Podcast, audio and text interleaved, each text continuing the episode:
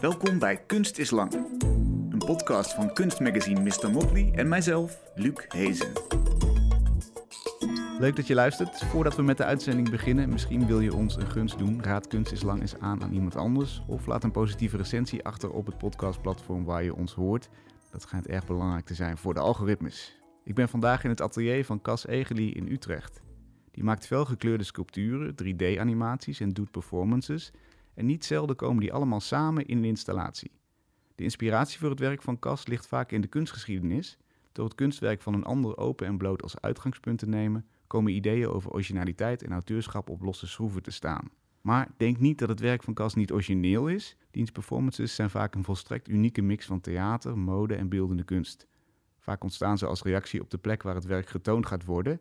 In The Bed of One Lash voeren zes bont geklede performers een sensuele verleidingsact op tegen de achtergrond van een immense, rijk gekleurde muurschildering van Hadassa Emmerich. En in kunsthuis Siep, iets boven Heerenveen, vormde de lokale traditie van het openluchttheater de basis voor een film. In korte, wisselende scènes worden herinneringen aan verhalen uitgebeeld die verre van volledig of zelfs maar coherent zijn. Groteske vogelspotters, een bruiloft tussen twee mensen gesminkt als vissen en een verhaal over een gestolen aardappel passeren de revue. Fijn dat je me ontvangt, Cas. Ja. In je schitterende atelier hier in Utrecht. Laten we beginnen bij je werkwijze om een werk uit de kunstgeschiedenis als inspiratie te nemen. Je studeerde vijf jaar geleden af en ik weet dat je er destijds meer mee bezig was dan nu. Verder, Mhm. Je bent al verder, maar daar komen we uiteraard zo vanzelf Ja. op. Toch even hoe die werkwijze begonnen is. Ja, op de academie had ik vaak... ehm, ja, dan krijg je zo voorgeschoteld dat, dat je inderdaad een soort op, op, zoek, op zoek moet naar een authentiek kunstwerk. Om iets zo authentieks mogelijk te maken. En ehm, ik goed dat er een periode was in mijn schilderlessen die ik had... ehm, waarin er bij mij een beetje ja, een soort eh, weerstand ontstond tegen het idee dat ik maar steeds weer een nieuw beeld op, moest leveren, elke presentatie of elke beoordeling. En dat ik toen op een gegeven moment eh, besloten had om sculpturen na te gaan schilderen. Dus eh, bestaande sculpturen, volgens mij waren het Brancusi-sculpturen toen der tijd. Ehm, en om die na te gaan schilderen. Om eigenlijk eens een beetje het af te gaan tasten. Hoe, hoe kan het nou, ja, hoe, hoe kan ik hier een beetje ja, weerstand tegen bieden? Hmm. En eigenlijk is dat langzamerhand steeds meer uitgegroeid in, in de laatste jaren van mijn studie. ehm, naar een soort fascinatie van: oké, wat betekent het eigenlijk als ik iets van iemand anders gebruik? Eh, en waar blijf ik dan zelf nog als maker? En is het belangrijk dat ik een soort eigen stempel daarop eh, aan het drukken ben? Ja. En wat zijn je gedachten daarover na die jaren? Nou ja, ik heb, ik heb bijvoorbeeld eh, ook wel eens bij exposities gehad dat mensen dan inderdaad aan me kwamen vragen: ja, oké, al deze referenties, eh, maar waar ben jij nu als maker?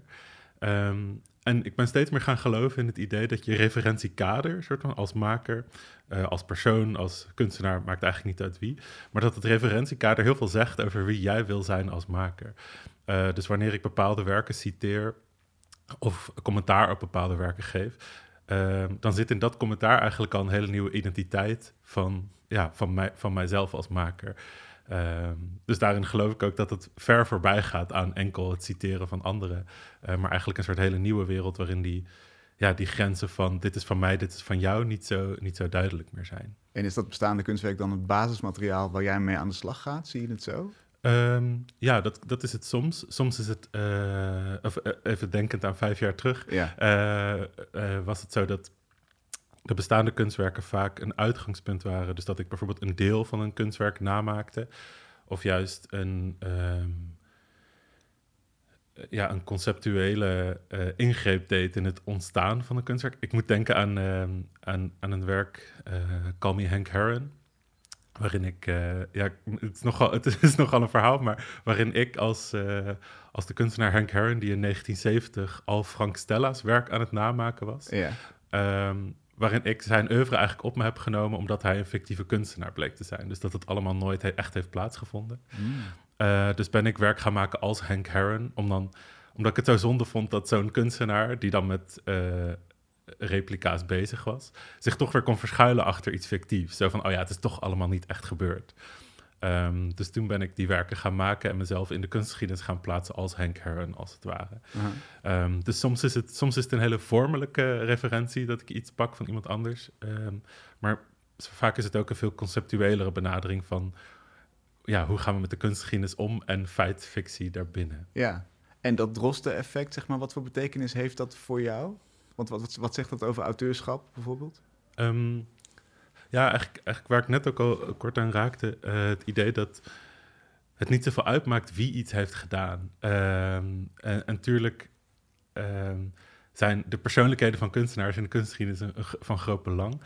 Ehm, maar als we een soort van kijken naar wat er in musea, galeries en ateliers allemaal is opgesteld, zou ik het zonde vinden als we daar een soort ego over hebben van dit is van mij. Mm. omdat ik het steeds meer het gevoel begin te krijgen dat we met z'n allen alle makers, alle kunstenaars, soort van aan, ik, ik voel heel erg een soort gemeenschapsgevoel van we zijn met z'n allen aan één grote kunstgeschiedenis aan het werken.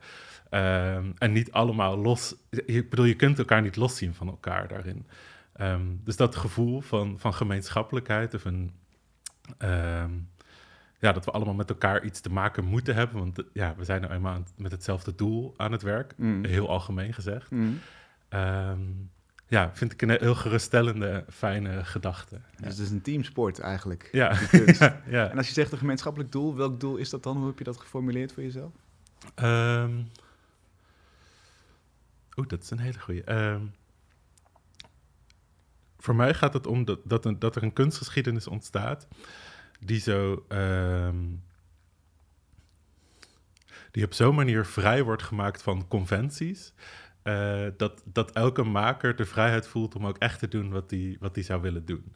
En dat hoeft niet per se, maker bedoel ik daarin niet per se als kunstenaar, uh, maar eigenlijk iedereen die iets zou willen maken, dat is misschien ook mijn kunsteducatieachtergrond die daar een beetje insluit, mm uh, iedereen die iets zou willen maken zich niet belemmerd voelt om datgene te doen. En ik zie gewoon als auteursrecht en copyright is één van die obstakels eigenlijk om ja, om je belemmerd te voelen om iets te maken. Ik zie het vaak bij studenten die dan zeggen: Ja, ik kan dat niet maken, want iemand anders heeft het al gedaan. Ah, ik heb dit en dit online gevonden en daardoor kan ik het niet meer doen. Hmm. Eh, en ik zou willen dat we daar een beetje los van uh, kunnen weken. Ja. Dus dit is een hele ruime kunstopvatting. Iedereen die iets maakt, is kunstenaar eigenlijk. Of is het dan nog niet, niet direct kunst? Ehm, nou ja, ik, ik, ik, zou het oké vinden om dat zo te noemen. Ik, als diegene zichzelf wil zien als kunstenaar, dan ben ik daar helemaal. Uh, ja. ja. dan ga ik daar geen twijfel uh, bij zetten, inderdaad. Ja, dus eigenlijk eigendomsrecht beschermt natuurlijk de maker, maar beschadigt daarmee de andere makers.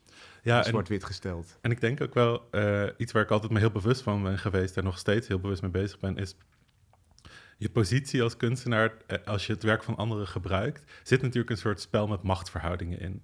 Um, ik zou bijvoorbeeld mezelf niet op mijn gemak voelen om het werk van een kunstenaar die um, um, ja, minder bekend, even tussen aanhalingstekens, is dan ikzelf, mm of minder met zijn werk verdient, om dat werk te, daar, naar dat werk te refereren en daar dan zelf geld mee te verdienen, bijvoorbeeld zo. Dus er zit voor mij ook wel een gevoelsmatige ethische onderlaag in. Ja ja, die, die, ik ook belangrijk vind om in die zin uh, te hanteren. Dat ik nooit, uh, ja, als je kritiek levert, kan het eigenlijk niet door iemand, uh, kan, het eigenlijk, kan het eigenlijk beter door mensen die veel verder zijn dan jij daarin te betrekken, dan dat je mensen die net beginnen of, of ja, dat daar commentaar op te gaan leveren. Ja. Zo. ja. Zoals je in de comedywereld de regel hebt, je, je, je trapt naar boven, maar nooit naar mensen die onder je staan. Want ja. dat, dan is het niet grappig. Precies, zo, zo voelt dat heel Hoge erg. Hoge bomen kun, je, kun je aanvallen, maar niet onder je. Ja, ja, inderdaad. In werken van meer recente datum werk je ook met, ja, met, met het idee van auteurschap en, en met ficties daarin. Uh, je hebt een alter ego, The Critic, dat werk maakt voor jou. Of eigenlijk ja, zeg ik het zo goed? Ja, eigenlijk wel. Voor jou? Ja, leg eens uit wat voor werk is dat? Beschrijf het eens. Um, ja, The Critic, het grootste, grootste, meest omvangrijke werk wat The Critic in mijn werk heeft gemaakt, is een uh, serie boeken. Uh, More Than You Wanted to Know About Cas Egeli. Um, wat eigenlijk gebaseerd is op een werk van John Baldessari. Uh, of twee boeken die zijn verschenen over John Baldessari. Die heten More Than You Want to Know About John Baldessari, Volume 1 en Volume 2. En uh, The Critic heeft toen uh, als alter ego uh, 223 van die boeken over mij geschreven. Mm -hmm. en daarnaast ook nog een serie met um, de roddels die, die er over mij bestaan. De dingen die we niet zouden mogen weten. De love life. Eigenlijk, er is ook een geïllustreerde versie. Um, eigenlijk om zo een beetje ja, commentaar te geven ook op dat... Um, uh, op dat idee van het opgeblazen ego, als het ware. Dat, dat ik denk, wow, vet als je als kunstenaar je zo stevig voelt... dat je uh, een, een boek kunt maken als More Than You Want To Know... about John Baltzari over jezelf. Mm -hmm. uh, maar tegelijkertijd is het ook een soort... ja, een soort, maar een soort machtsspelletje wat we helemaal met z'n allen aan het spelen zijn in de kunstwereld, waarbij als er een boek over je is verschenen, er opeens meer waarde aan je werk wordt gehecht. Dus daar is zo'n werk dan ook meteen weer een beetje kritiek op. Ja. Uh, maar de critic is in die zin een van de alter ego's die binnen mijn werk, uh, ja, werk aan het maken zijn over mij, maar het kan ook helemaal losstaan van mezelf als maker. En staan daar echt verhalen in, zeg maar? Zijn die, zijn die hele boeken volgeschreven of zijn dat... Um, ja. Zijn het de pagina's? En, uh... het zijn, uh, de pagina's zijn genummerd, maar de meeste pagina's zijn uh, leeg. Ja. Maar de boekenkast wordt zo gepresenteerd dat al die boeken daarin staan. Ik heb ze zien staan, ja. ja het ze is staan een hier. Het is bijna een soort van, um, hoe noem je die oude dingen, encyclopedieën? Ja, precies. Ja, ja, inderdaad. Ja. ja, de bedoeling is dan inderdaad ook dat het eruit ziet als een hele grote verzameling. Maar dat wanneer je er eentje zou pakken en door zou bladeren, dat er eigenlijk helemaal niet echt iets ingeschreven staat. Ja. ja inderdaad een van die factoren in een kunstenaarscarrière. Dat er een aantal boeken over je verschenen zijn, dan, dan weet je dat je goed bezig bent. Ja. En bij een tentoonstelling. Precies. Ja. Zijn, zijn, er nog meer van die vastgeroeste waarden waarvan je denkt, nou, die mogen wel weg of zo? Die, die belemmeren inderdaad de plezier of de creativiteit van wat de kunst kan zijn? Nou, ik denk uh, een ander aspect van de critic is bijvoorbeeld ook als alter ego dat de critic um, ben ik niet in mijn eentje. Er zijn altijd andere mensen die met mij de critic performen, want de critic is ook een zanger in mijn werk. Um, die vaak uh, ja, een beetje achterhaalde nummers uit musicals zingt. Die gaan over een heel groot mannelijk, uh, mannelijk ego, een soort tentoonspreiden van, man, van mannelijkheid, een Mhm. achterhaalde idee daarvan. Um, maar die performances doen we vaak met andere, met andere kunstenaars of met andere performers. En die performers maken ook werk als de critic. Dus het is niet het idee dat ik als één op één mijn alter ego de critic hanteer. Maar dat er nog meer mensen betrokken worden in dat alter ego. Uh, en dus ook eigenlijk ja, een soort. Ik, ik ben een beetje aan het zoeken de laatste tijd naar, naar vormen van collectiviteit. die niet zo heel erg draaien om het collectief. Maar dat we dan bijvoorbeeld in dit geval met, met z'n allen. In dit geval waren dat um, met z'n vier, met z'n drieën. Um, dat we met z'n drieën werk aan het maken zijn als de critic. Um, en dat daar dus een collectief in, schuil gaat, wat zich eigenlijk verschuilt achter één alter ego. En, en dat is denk ik nog, de, uh, terugkomend op je vraag, een regel die we voor onszelf hebben gemaakt, waar we eigenlijk net ook over hadden, over authentiek zijn en origineel zijn. Uh, je ziet natuurlijk steeds meer collectieven eigenlijk, uh, eigenlijk su succesvol zijn in de kunstwereld. Um, maar dat je dan binnen zo'n collectief vaak ook weer aangesproken wordt op je individu. Uh, ik, ik vind het leuk om dan te zoeken naar een manier om zo'n collectief echt in te kunnen zetten als één kunstenaar, echt als één maker.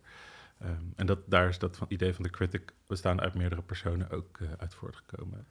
En is het dan de critic als in inderdaad degene die kritisch beschouwt, wat eigenlijk natuurlijk normaal gesproken een buitenstaander is of een intermediair die op Ja. kunst beschouwt?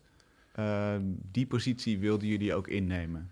Klopt, de critic in mijn werk is, is gebaseerd op het, inderdaad het traditionele idee van een kunstcriticus die ergens naar kijkt en dat dan, nou ja, uh, zoals dat vroeger veel gebeurde, een soort van met de grond gelijk maakt uh, en allemaal ja, um, kritiek heeft op, op het werk dat getoond wordt. Ja. Um, en daar hebben we nu eigenlijk als het ware een soort persiflage van gemaakt. Door die performances uh, van die musical nummers, maar ook die boeken die daarbij horen. Eigenlijk heel erg zo'n overdreven uh, versie van wat een kunstcriticus zou kunnen betekenen voor iemands uh, carrière. Ja. ja. Is dat, vind je, sowieso een achterhaald concept dan, die kunstcriticus? Of, of heeft hij nog steeds veel waarde in een andere vorm? Ik, ik geloof zeker in de waarde van de kunstcriticus. Niet zozeer in, de, in het traditionele idee waarin we. Wa nou ja, waarin een kunstcriticus iemand helemaal tot de grond of af zou, zou kunnen branden. Um, en zeker als je aan, aan het idee van collectiviteit en een soort van samenbouwen aan de kunstgeschiedenis denkt, past dat helemaal niet voor mijn gevoel bij, bij hoe ik een kunstwereld voor me zie. Nee. Um, maar ik, uh, wat, ik, wat ik de beste kunstcritici eigenlijk vind, zijn mensen die dingen met elkaar weten te verbinden terwijl ze aan het gebeuren zijn. Um, want dat, nou ja, dat is de moeilijkheid waar elke kunstenaar natuurlijk een beetje tegenaan loopt. Dat als je aan het werken bent, dat het heel moeilijk is om te zien in welke traditie je staat. Nou ja, de traditie is misschien makkelijker, maar hoe die traditie zich nu voortzet en wie daar eigenlijk allemaal bij horen. Ja. En kunstcritici die dat goed kunnen, zijn volgens mij hele waardevolle personen. Dus meer een gids in kunstland dan iemand die zegt dit is goed, dit is slecht. Precies. En wel ja. hierom. Ja. ja, en dat is denk ik ook, als, als we het hebben over nou ja, dit, uh, de Jozef Beuys-achtige uitspraak, uh, ieder mens is een kunstenaar, waar we het net even over hadden. Um, zou, ik ook, zou ik ook niet willen dat iemand daarin, daarin zegt van, oh, maar dit is veel beter dan dit. Mm. Um, omdat ik en wederom misschien vanuit een educatieachtergrond, heel erg geloof in dat alles wel aans- aansluiting vindt bij iemand. Eh, dat er altijd wel een publiek is voor het werk dat je maakt. Maar het gewoon zoeken is naar wie dat dan wil, wil zien. Oh ja. Ja. En hoe is dan jouw eigen kwaliteitsmaatstaf?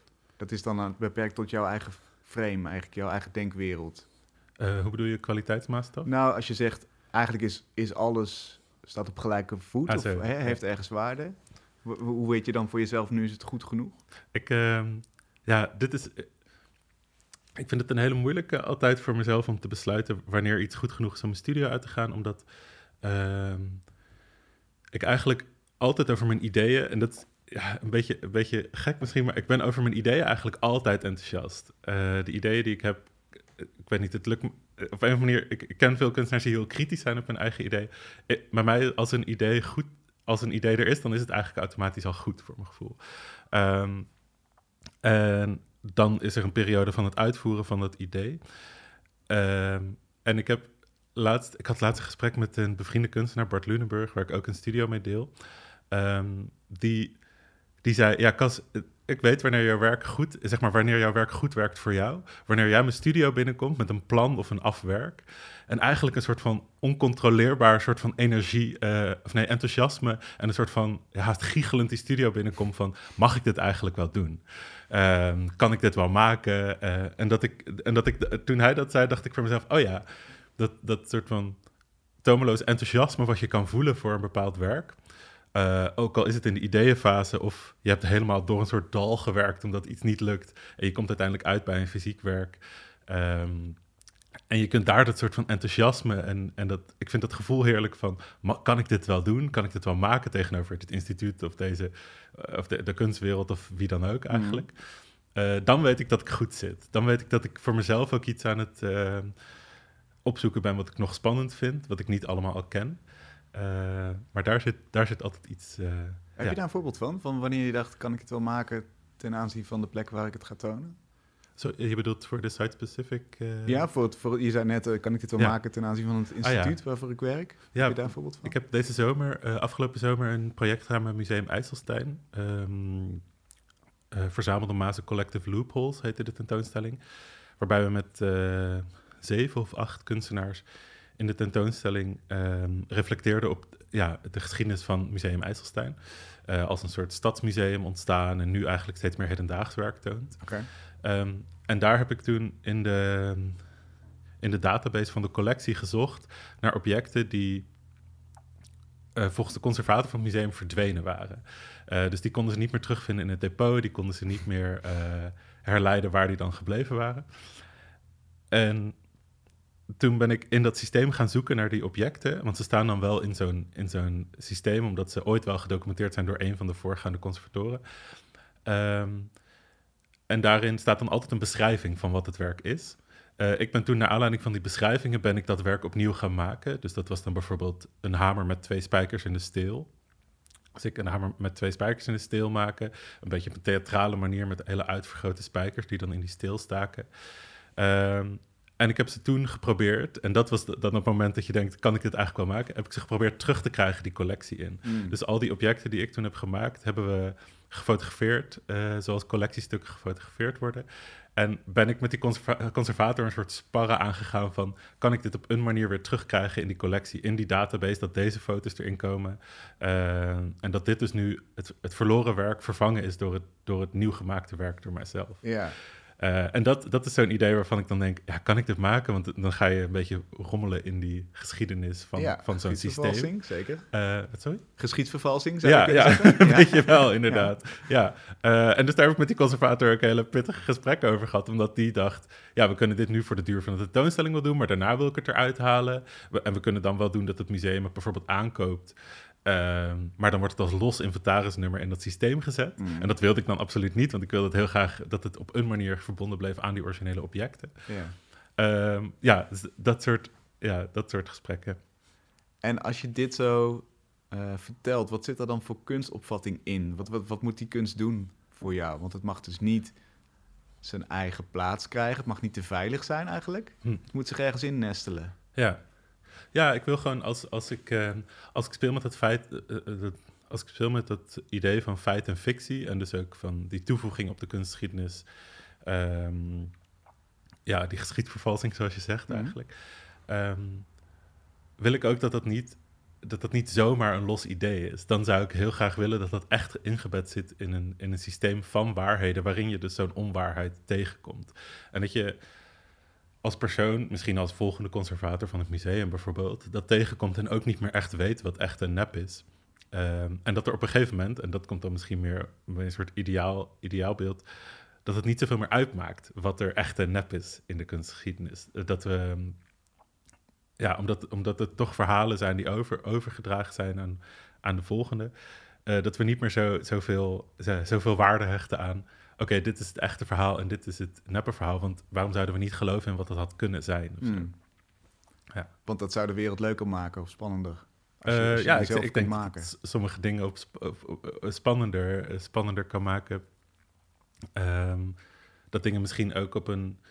Ja, dat, dat je van je, je verbeelding eigenlijk op een bepaalde manier getriggerd kan worden... in plaats van dat je alles aangereikt krijgt... dat je ook kritisch kunt zijn over wat, wat je krijgt. Eh, en tuurlijk, als je het interessant vindt... kun je daarin filteren naar wat, wat het echte is. Ik bedoel, dat doen historici ook. Ehm, maar het zou, het zou voor, een, voor een verbeeldingsmogelijkheid heel mooi zijn als we niet meer hoeven alleen maar hoeven te geloven in wat er, wat er daadwerkelijk heeft plaatsgevonden in zo'n kunstgeschiedenis. Ja. Ja. Laten we eens gaan naar eh, een van jouw performances. Eh, gefilmd in dit geval, eh 20 minuten durende Smokers Theater. Ik eh, refereerde er al even aan tijdens een residentie gemaakt in Kunsthuis Siep in Friesland. Ja. Wat zien we precies? Ja, een, ehm, een video waarin ik, ik zelf als verteller eigenlijk optreed. En ehm, aan de hand van een groter verhaal wat ik vertel in die video, wat toch redelijk geabstraheerd is, ehm, ga je een aantal scènes langs. En dat kan inderdaad gaan van een scène waarin een eh, vogelspotter op de uitkijk staat voor, nou ja, er wordt in de video niet helemaal duidelijk waar die op aan het wachten is.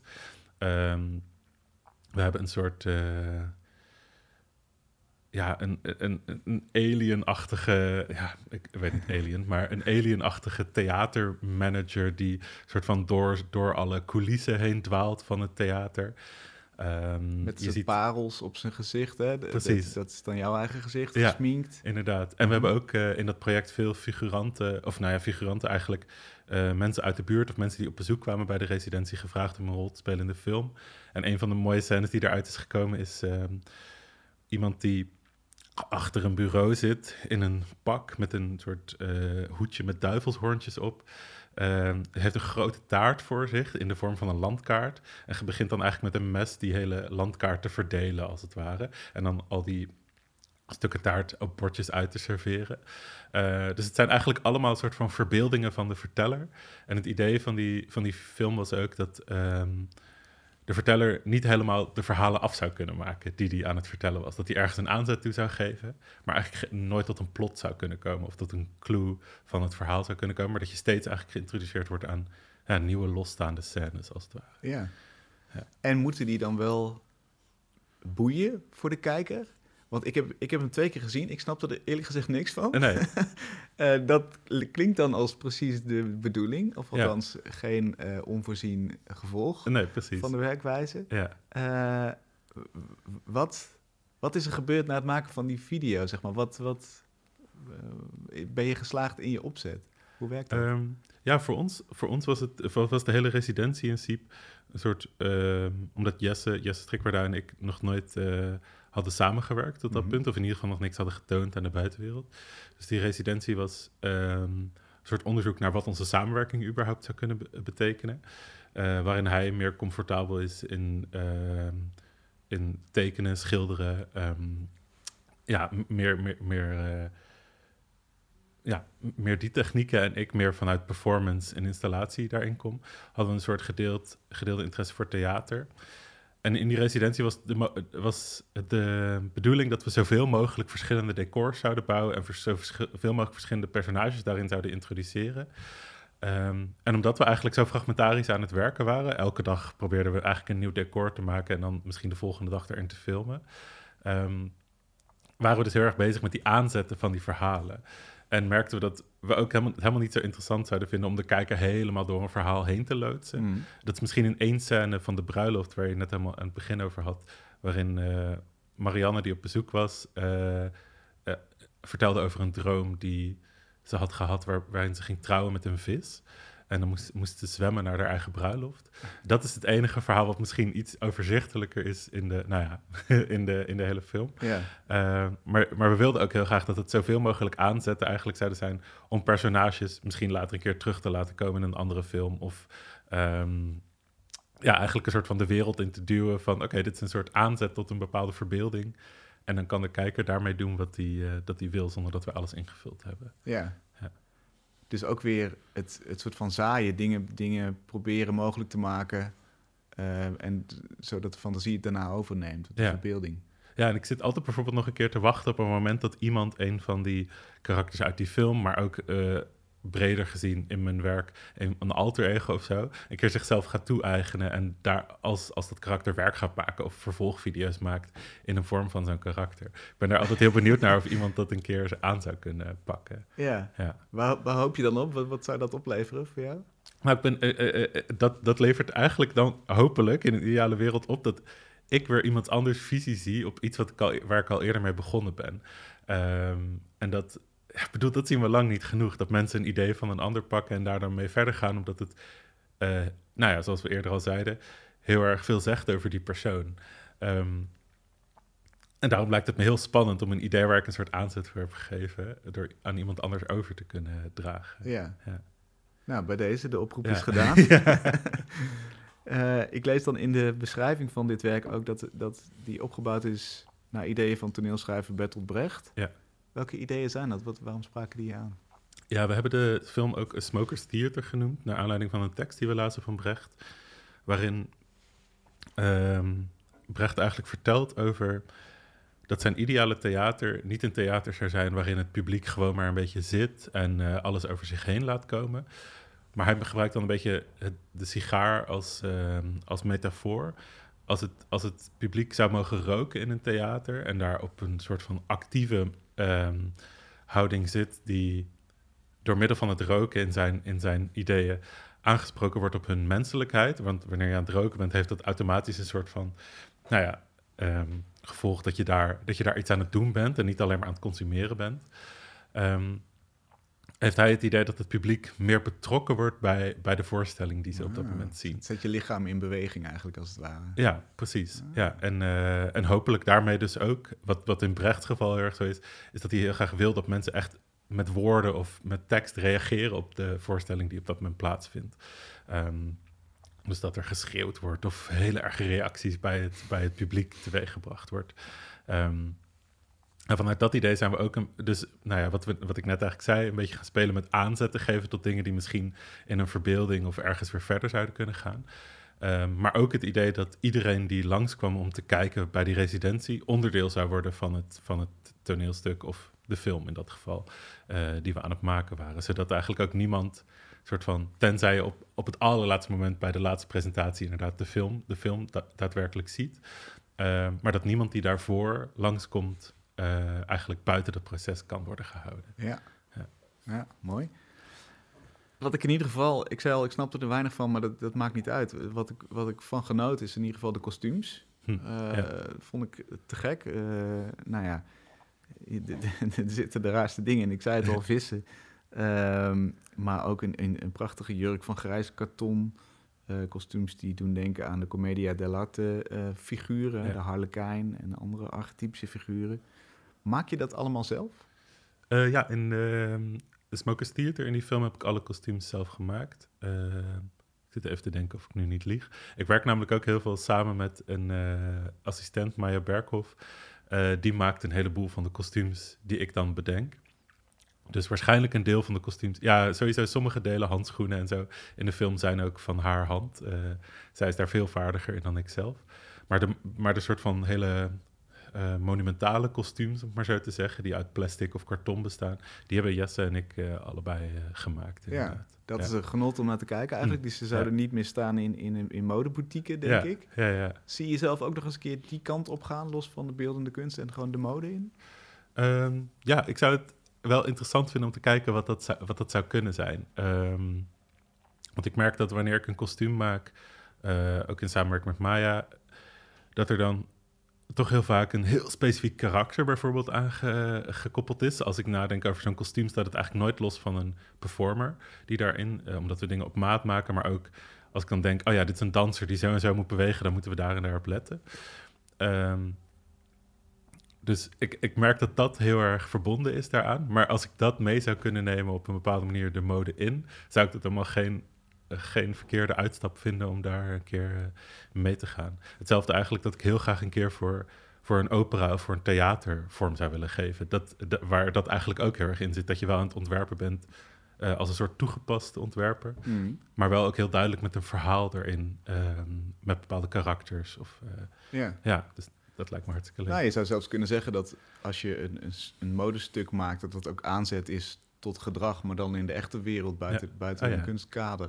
Ja, Je, je zaait daar natuurlijk ook mogelijkheden mee. Ja. ja, en je ziet ook steeds meer modehuizen die eigenlijk helemaal niet uitgaan van een soort van verkoopbaarheid of een soort van hele sec presenteren van oké, dit is gewoon een, eh, een look op een catwalk. Maar, dit, maar ook nu, nu dat er minder fysieke catwalk mogelijkheden zijn, ehm,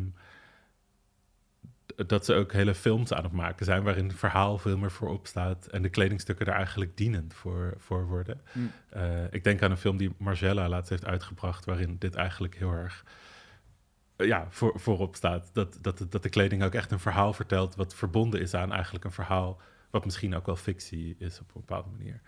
Ehm, dus ja, Ja? Wat, wat- wat zien we daar in die film? Kun je dat kort schetsen? ja, ik, eh, moeilijk om de hele film te, te beschrijven, maar het, het uitgangspunt is een soort plek waar ooit een, een, een ramp heeft plaatsgevonden. En eigenlijk eh, reis je terug de tijd in om te zien eh, wat er eigenlijk allemaal heeft plaatsgevonden. En dat blijkt uiteindelijk veel met overstromingen, omdat een soort kustdorpje is eh, te, maken, te maken te hebben. En de kleren zitten dus ook allemaal referenties in naar die overstroming. Maar het lijkt me een heel, heel, ik vind het een heel mooi idee dat je dan een winkel in zou kunnen lopen en die kleding ziet. En dan er allemaal gekke details. Ik bedoel, daar, dat, daar staat Marcella wel bekend op. Maar dat, je, dat er allemaal gekke details zitten in die kleding. waarvan je dan zou denken: oké, ik weet helemaal niet wat dit, wat dit is. Maar dat als je onderzoek zou doen, dat het dan eigenlijk terugkomt naar een soort. Ja, volgens mij fictief verhaal. eh, wat bedacht is door de ontwerper. ehm, waar die kleding dan uit voortkomt. Eh, ja, dat lijkt me een heel mooi, de, vrij theatrale manier van mode benaderen. Ja. Ja. En ook dan toch de vraag die ik als buitenstaander zou hebben van, blijft dat overeind? Of hoe werkt dat Hm. in de normale wereld? Ja. Want we, in een kunstcontext kan natuurlijk alles, maar zodra je de Jumbo instapt hier, ja, dan, dan kan natuurlijk ook in principe alles. Maar Ja. de, de context is heel anders. ja, precies. Er wordt lang niet alles opgepikt natuurlijk. Wat Nee. er, eh, Of, omdat er een of andere... veroordeeld. Dat Ja. je denkt, wat, wat is dit voor rare Ja, ja, precies. outfit? Dat is toch, dat Ja. is toch of, je, of je het wil of niet waar je mee te maken krijgt. Mhm. Ja, Waar je inderdaad. doorheen zal moeten beuken als drager van zo'n Ja. kledingstuk. Ja, precies. Of het van je af moet laten glijden natuurlijk. Ja, ja en, en, en ik vind dat, dat deel van mode ook wel heel interessant. En dat probeer ik ook wel in te zetten in de performances die dan uiteindelijk binnen een kunstcontext plaatsvinden. Maar toch iets ehm, dat, dat de kleding voor het karakter ook een soort expressiemiddel is. Dat het iets kan zeggen over. ehm, eh, bijvoorbeeld uitspraken doet over genderidentiteit. Of de, of de scheidslijnen waar we op leven, eigenlijk in die soort van binaire ideeën over man-vrouw. Zeg maar, dat soort dingen komen vaak wel terug in de kostuums die ik ontwerp. Mhm. Uh, maar zit meer in de soort van uitdrukkingskracht van die personages, dan dat het heel erg in het onderwerp van het, van het werk ook daadwerkelijk zit. Um, dus ja, het, het soort van wat kleding over kan dragen over, over identiteit is wel iets waar ik, waar ik in, in performances ook veel mee bezig ben. Ja. In het dagelijks leven de laatste tijd uh, minder. Er was een periode dat ik veel jurken droeg en uh, uh, ja, lipstift, zeg maar, lang haar had. Ik heb nu ook weer bijna lang haar. Maar zeg maar dat, allemaal, dat ik een beetje meer aan het spelen was met mijn eigen uiterlijk en hoe ik, hoe ik daarmee om wil gaan. En dat ook als een soort uitgangspunt die ervaringen kan gebruiken om, om dan weer tot nieuwe inzichten te komen voor, voor kostuums. Ja, um, dat voelt bijna als werk. Dat je je eigen uiterlijk vormgeeft. Of, of was dat wel duidelijk in de privésfeer voor jou? Uh, was toen de tijd, ik heb het echt over uh, toen ik aan de academie begon, denk ik hoor. Oh ja. Maar uh, was toen de tijd wel, wel heel erg met mij persoonlijk ook gelinkt. Met het onderzoeken van mijn eigen queerness. ehm, en het zoeken van nou, wat voor positie heeft dat in mijn eigen uiterlijk. Eh, en ook in hoe ik me gedraag of me opstel ten opzichte van anderen. Eh, en dat is tijdens de academie er eigenlijk een beetje uitgegaan, dat hele onderzoek. eh, omdat het een heel praktisch werd dat ik elke dag gewoon eh, in de houtwerkplaats moest kunnen staan en, in, en een schilderles had. En de, nou ja, dat dat eigenlijk allemaal. ehm, dat, dat heeft het, mijn, mijn uiterlijk uiteindelijk op een bepaalde manier praktisch gemaakt. Mhm. We hebben een keer een video gemaakt en mijn, al mijn haar eraf geschoren. Zeg maar, dus uiteindelijk werd het een soort heel praktisch, hoe noem je dat? Kostuum, soort, ehm, ja, een praktisch kostuum als het ware. Ja, Eh, en nu is dat langzaam weer een beetje aan het veranderen naar iets waar ik, waar ik misschien eh, ja, wat meer mezelf, eh, mezelf terug in kan vinden. En ook dat onderzoek naar hoe ik mezelf wil presenteren op een dagelijkse basis, niet alleen binnen mijn werk. Ehm, dus dat die scheidslijn tussen privé en werk ook iets meer vervaagt waarschijnlijk. ja. Ja. Ja, want je hoort wel vaak van mensen die niks met mode hebben, die zeggen ja, prima als andere mensen hun kleding als uitdrukking van zichzelf zien, maar dat is nogal veel werk als je, als je Ja. je- jezelf helemaal moet gaan uitdrukken via Ja. de dingen die je aan hebt. Daar Ja. moet je maar net zin in hebben. Ja, precies. Ja, en dat is ook, dat is ook de moeilijkheid, denk ik, van het soort van afwegen van een praktisch bestaan versus eh, Ja. een bestaan dat veel meer, veel meer drijft op beeld of op, of op eh, inderdaad het presenteren van een bepaald beeld naar de buitenwereld toe. Ja. Dat, eh, ja, het is best moeilijk om daar een soort balans in te vinden. ja. Ook omdat je denk ik jezelf openstelt, ook voor reacties en voor, voor Ja. eh, ja, je bijna, je bijna uitnodigt tot reacties. Ja, precies. Ja, en dat, dat is ook altijd moeilijk eraan, inderdaad, als je iets aantrekt waarvan je weet. eh, ik heb het ook wel eens gehad met performers, gewoon die over straat liepen, terwijl we van de ene locatie naar de andere locatie liepen of zo. Ehm, dat je dan weet, dit gaat een reactie uitlokken, maar ik heb dit, de- deze outfit of dit kostuum niet per se aan voor de ander. Ik kan dit ook aan hebben voor mezelf. Ja, ja. Eh, en dat is heel moeilijk natuurlijk, want mode heeft wat dat betreft een hele tweeledige functie waarin het heel erg tot de buitenwereld gericht is, maar ook heel erg voor je eigen eh, identiteitsexpressie, maar ook voor je eigen draagcomfort, zeg maar, bedoeld is. ja. Ehm, en dat is denk ik ook wel iets, iets lastigs daarin, dat je dat ook moet willen navigeren van hoe verhoud ik me dan tot, tot de buitenwereld eh, in iets waar ik mezelf heel goed in voel. Ja, Ja, ja precies. En hoe, hoe kun je zorgen voor een klimaat waarin je gewoon aan kunt hebben wat je wil hebben, zonder dat dat, dat Ja. reacties oplevert. ja precies. Waar we het nog niet zijn, voor mijn gevoel. En ik denk ook dat, dat ik in mijn performances daar ook veel mee bezig ben met. eh, het, vaak doe ik nadrukkelijk niet per se benoemen dat thematieken als queerness zeg maar onderdeel zijn van de thematiek van mijn werk. Maar eigenlijk dat, dat eh, de kostuums en de wereld die ik presenteer niet meer bezig is met die binaire ideeën over gender bijvoorbeeld. Ehm, in die wereld draagt iedereen wat hij wil dragen. En zijn, zijn dingen als hoge hakken niet meer gecodeerd als man of vrouw of zo. Maakt het ook niet meer uit wie welk kostuum aan heeft. En stel dat ik iemand die eh, zich identificeert als man in een kostuum heb, kan prima zijn dat, dat de week daarna iemand die zich identificeert als vrouw in dat kostuum zit. Eh, dus dat ik eigenlijk een wereld probeer te, sche- eh, te scheppen waarin ja, waarin, waarin die binariteit niet, niet meer zo van, van belang is. Maar op een hele vanzelfsprekende, hoop ik, en natuurlijke manier. Ja, wat een goede stap is wat in, in de ontwikkeling in dat denken. Dat je niet meer, inderdaad, dat hakken geen, niet meer afzetten is tegen Ja, bepaalde hokjes, maar dat, dat het gewoon is wat het is. ja dat, dat hoop ik altijd. En je hebt, je hebt altijd publiek wat dan toch weer heel erg daarop van... oh, er is een man in een jurk. Eh, en dat, dat dat dan heel erg een soort ding wordt voor dat werk. Terwijl het voor mij daar dan helemaal niet per se om gaat. Dat het meer over de persoon en dat kostuum... en Ja. hoe die zich daarin gedraagt gaat. Ja. Hoop je dat dat ook een maatschappelijk effect is van kunst? Dat dat als het ware doordruppelt naar een bredere maatschappij? Ik zou het in ieder geval niet erg vinden, inderdaad, als, Nee. dat, als dat een gevolg is van wat we nu. eh, ik bedoel, ik ben lang niet de enige persoon die hiermee bezig is in zijn werk. Ehm, ja, dat zou ik niet erg vinden als er andere mensen zijn die dat. eh, eh, of als het, als het inderdaad een maatschappelijk effect heeft, zoals Ja. je zegt. Ja. Maar het is niet iets waar je, waar je, waarvan je vindt, dit is mijn functie of, of dit, dit zou ik moeten doen. Nee, ik ben het niet zeg maar aan het pushen als een Nee. agenda, denk ik. Nee. Nee, dat denk ik niet. Eh, nee, maar er zit wel een op persoonlijk vlak, misschien niet als kunstenaar, maar op persoonlijk vlak zit er wel een soort lichte hoop achter dat we daar ooit afscheid van eh, Ja, kunnen nemen. Ja. en het persoonlijke is politiek. ja Dat is zeker. eh, ja. weer een, een andere slogan te pakken. Ja, ja. Laten we ook nog eens gaan naar die objecten, want die, die wil ik eigenlijk ook niet eh, eh, vergeten. Je maakt nou ja, kostuums, 3D-animaties, performances, maar ook objecten. Eh, wat is daarin de rode draad? Misschien kun je dat uitleggen aan een recent werk, eh, een meeting in die Outer Belly. Ja. Eh, een heel mooi raadselachtig object. Om, omschrijf hem eens visueel.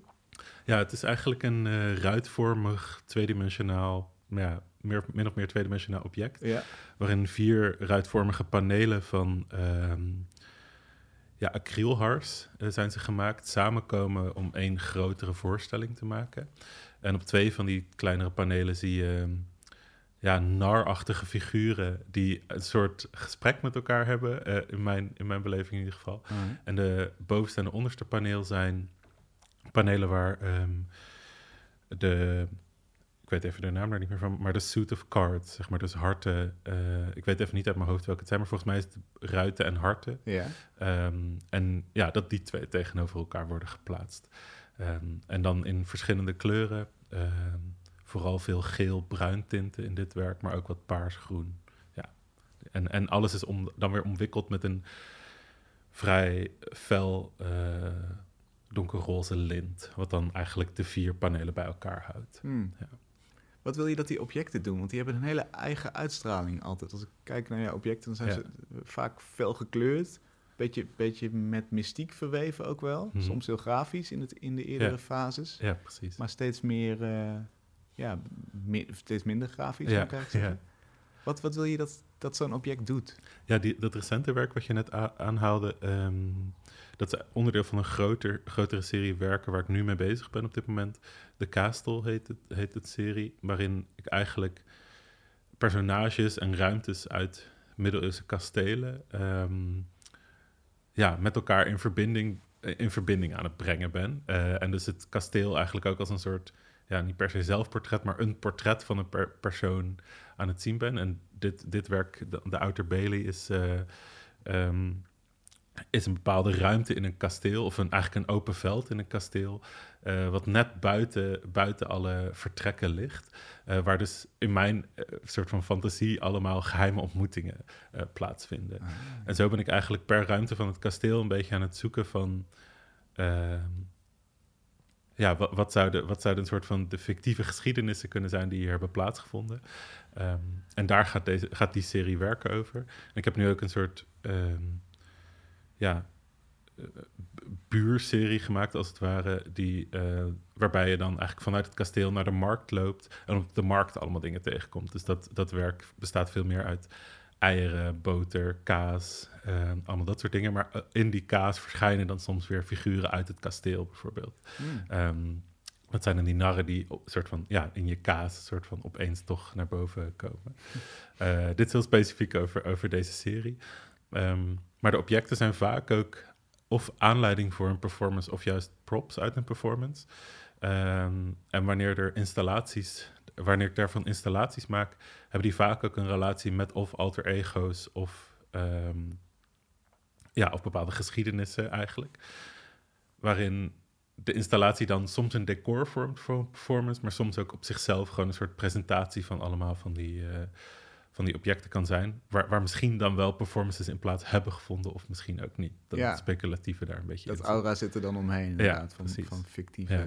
Ik moet bijvoorbeeld denken aan mijn presentatie Prospect and Concepts eh, vorig jaar, waarin ik een hele, ja, eigenlijk aan de hand van Frans Erhard Walters ehm, werk een tentoonstellings, ehm, tentoonstellingsarchitectuur had gemaakt. En daarop was allemaal ander werk gepresenteerd. Maar een deel van die werken werd geactiveerd door middel van performances die eigenlijk niet echt zichtbaar waren voor het publiek. Dus er waren bijvoorbeeld performers die vanuit hun eigen huis een sculptuur meenamen. Koffers waren dat vaak. Naar de beurs. En dan op de beurs kwamen die koffer open deden en er rolde dan van alles uit. Eh, en dan was dat het geïnstalleerde werk. Maar de personen die daarvoor mijn installatie zagen, die zagen die koffer niet. En de personen die daarna mijn installatie zagen, eh, die dachten gewoon dat dat sculptuur onder was, onder, onderdeel was van de installatie. Ehm, maar ook daarin een beetje uit handen geven wat wanneer gebeurt. Eh, dat ik niet meer de, ja, de, de curator ben van mijn eigen werk, zeg maar. En er was ook een paneel wat eigenlijk een replica was van een eh, werk van ehm, Pieter Engels in het stedelijk hangt. Een groot geel paneel waar een witte lakleren jas aan hangt. Mhm. En die jas is eigenlijk op de eerste minuut van de beurs meegenomen door een performer. En die liep rond op, die, op de beurs met die jas aan. Waardoor er eigenlijk een heel abstract geel paneel overbleef op de muur. Wat ook hele grappige tafereelen opleverde van mensen die heel geïnteresseerd naar dat paneel aan het kijken waren. Ja. Terwijl het voor mij veel meer ging over, oh, nu is die jas eindelijk van die, van die haak af. Ehm, maar dan ontstaat er iets heel grappigs van mensen die niet weten dat er iets heeft plaatsgevonden. Of, eh, nou ja, sorry, ik dwaal Ja. een beetje af van, Nee, van nee, het nee, idee van het object. Maar eh, Eh, eh, wat ik me dan daarbij afvraag is, die mensen, misschien luisteren ze nu naar dit gesprek ja, en die denken, shit, ik ben dus mooi beetgenomen eigenlijk. is dat, daar zit ook iets, ja, zo. iets Ja. negatiefs in, Alsof ik ze een hak probeer te zetten. Ja. Ja, zo. ja of niet? het, voor mij gaat het, gaat het vooral om dat in dit geval van die, van die jas en dat gele paneel. Het idee dat zo'n museum dat die jas altijd op het paneel zou houden, omdat de kunstenaar zo het, werk heeft bedoeld. En dat we eigenlijk alle mogelijkheden niet meer benutten die zo'n werk met zich meebrengt. Omdat het eenmaal in de collectie zit, mogen we het niet meer aanraken. Ehm, dus daarom zijn replica's voor mij soms nodig om dan een idee over dat kunstwerk alsnog te kunnen weergeven. En wanneer een publiek dan eh, een specifieke ervaring heeft, zoals dat gele paneel ziet zonder de jas daarop, ehm, is, biedt dat, vind ik dat grappig, omdat het ook omdat ehm, het een blik geeft op wat een museum zou kunnen doen met een werk, Mhm. wat nu op dit moment niet gebeurt. Dus een andere esthetische ervaring die eigenlijk met, met zo'n werk bewerkstelligd zou kunnen worden. Ehm, dus, dus ja, ik, ik, ik- als ik iets grappig of, of iets leuk vind, dan zit het ook meer in een soort van enthousiasme van... wow, kijk eens naar, naar alles wat, wat er nu opeens kan, wat voorheen niet eh, gebeurde. Ja. Ja. Dus eigenlijk zijn die mensen dan, eh, nou ja, ze, ze kijk- kijken ze de verkeerde kant op, zou je dat zo kunnen zeggen? Ze kijken de verkeerde kant op, maar worden voor het grotere verhaal een beetje, eh, eh, nou opgeofferd klinkt heel zwaar, maar hun Ja. ervaring dient het grotere verhaal. Ik, ik weet niet of ze de verkeerde kant op kijken, want ik bedoel, uiteindelijk laat ik, laat ik toch dat gele paneel ook zien. Ik had Mhm. ook kunnen besluiten om het, om het weg te halen wanneer de jas eraf was. Ehm, maar misschien is het een beetje op het verkeerde been zetten van zo'n publiek. Eh, is, dat, is dat eerder het doel? Dat ze, dat ze misschien net niet helemaal doorhebben waar ze naar aan het kijken zijn. Of dat ze de- iets denken te begrijpen.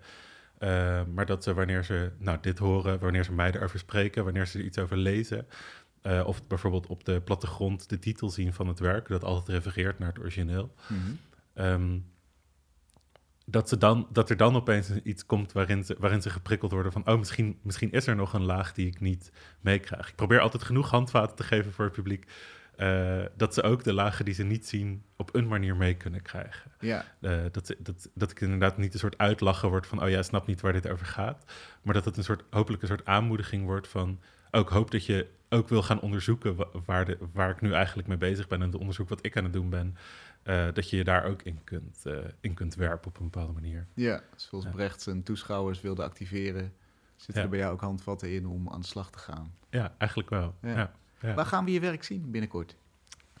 Ja, op verschillende plekken. Ik ben eh, nu bezig met een tentoonstelling ehm, met, eh, die, die Tim Hollander aan het eh, samenstellen is. Die heeft ehm, een aantal kunstenaars gevraagd om keramieke schoenen te maken of te exposeren als, als een soort schoenwinkel. In de galerie in Den Haag gaan we dat doen. Mhm. Ik ben aan het werk voor een performance in Tilburg bij Lustwarande. Waar ik in juli, is het volgens mij, een eh, performance ga doen die heel erg gaat over het voyeurisme in sculpturenparken. Dus hoe we als eh, toeschouwer eigenlijk een soort van voyeur zijn ten opzichte van de, van de sculpturen die daar staan. Ja. Eh, en over een maand ben ik in residentie bij eh Make in Eindhoven om daar te gaan eh, onderzoeken wat glas en metaal en eh, andere en druktechnieken kunnen betekenen nog binnen mijn praktijk. Drukke periode dus. Ja, ja, ja, maar allemaal dingen waar ik echt heel veel zin in heb. Mooi, dankjewel. Ga vooral door met het zaaien van eh, mogelijkheden en eh, het aanzetten van mogelijke scenario's. Dankjewel. Tot zover deze aflevering. Die werd mede mogelijk gemaakt door het Amsterdams Fonds voor de Kunst, het Jaap Hartenfonds en door donaties van jullie. Veel dank daarvoor. Wij zijn er volgende week weer. Graag tot dan.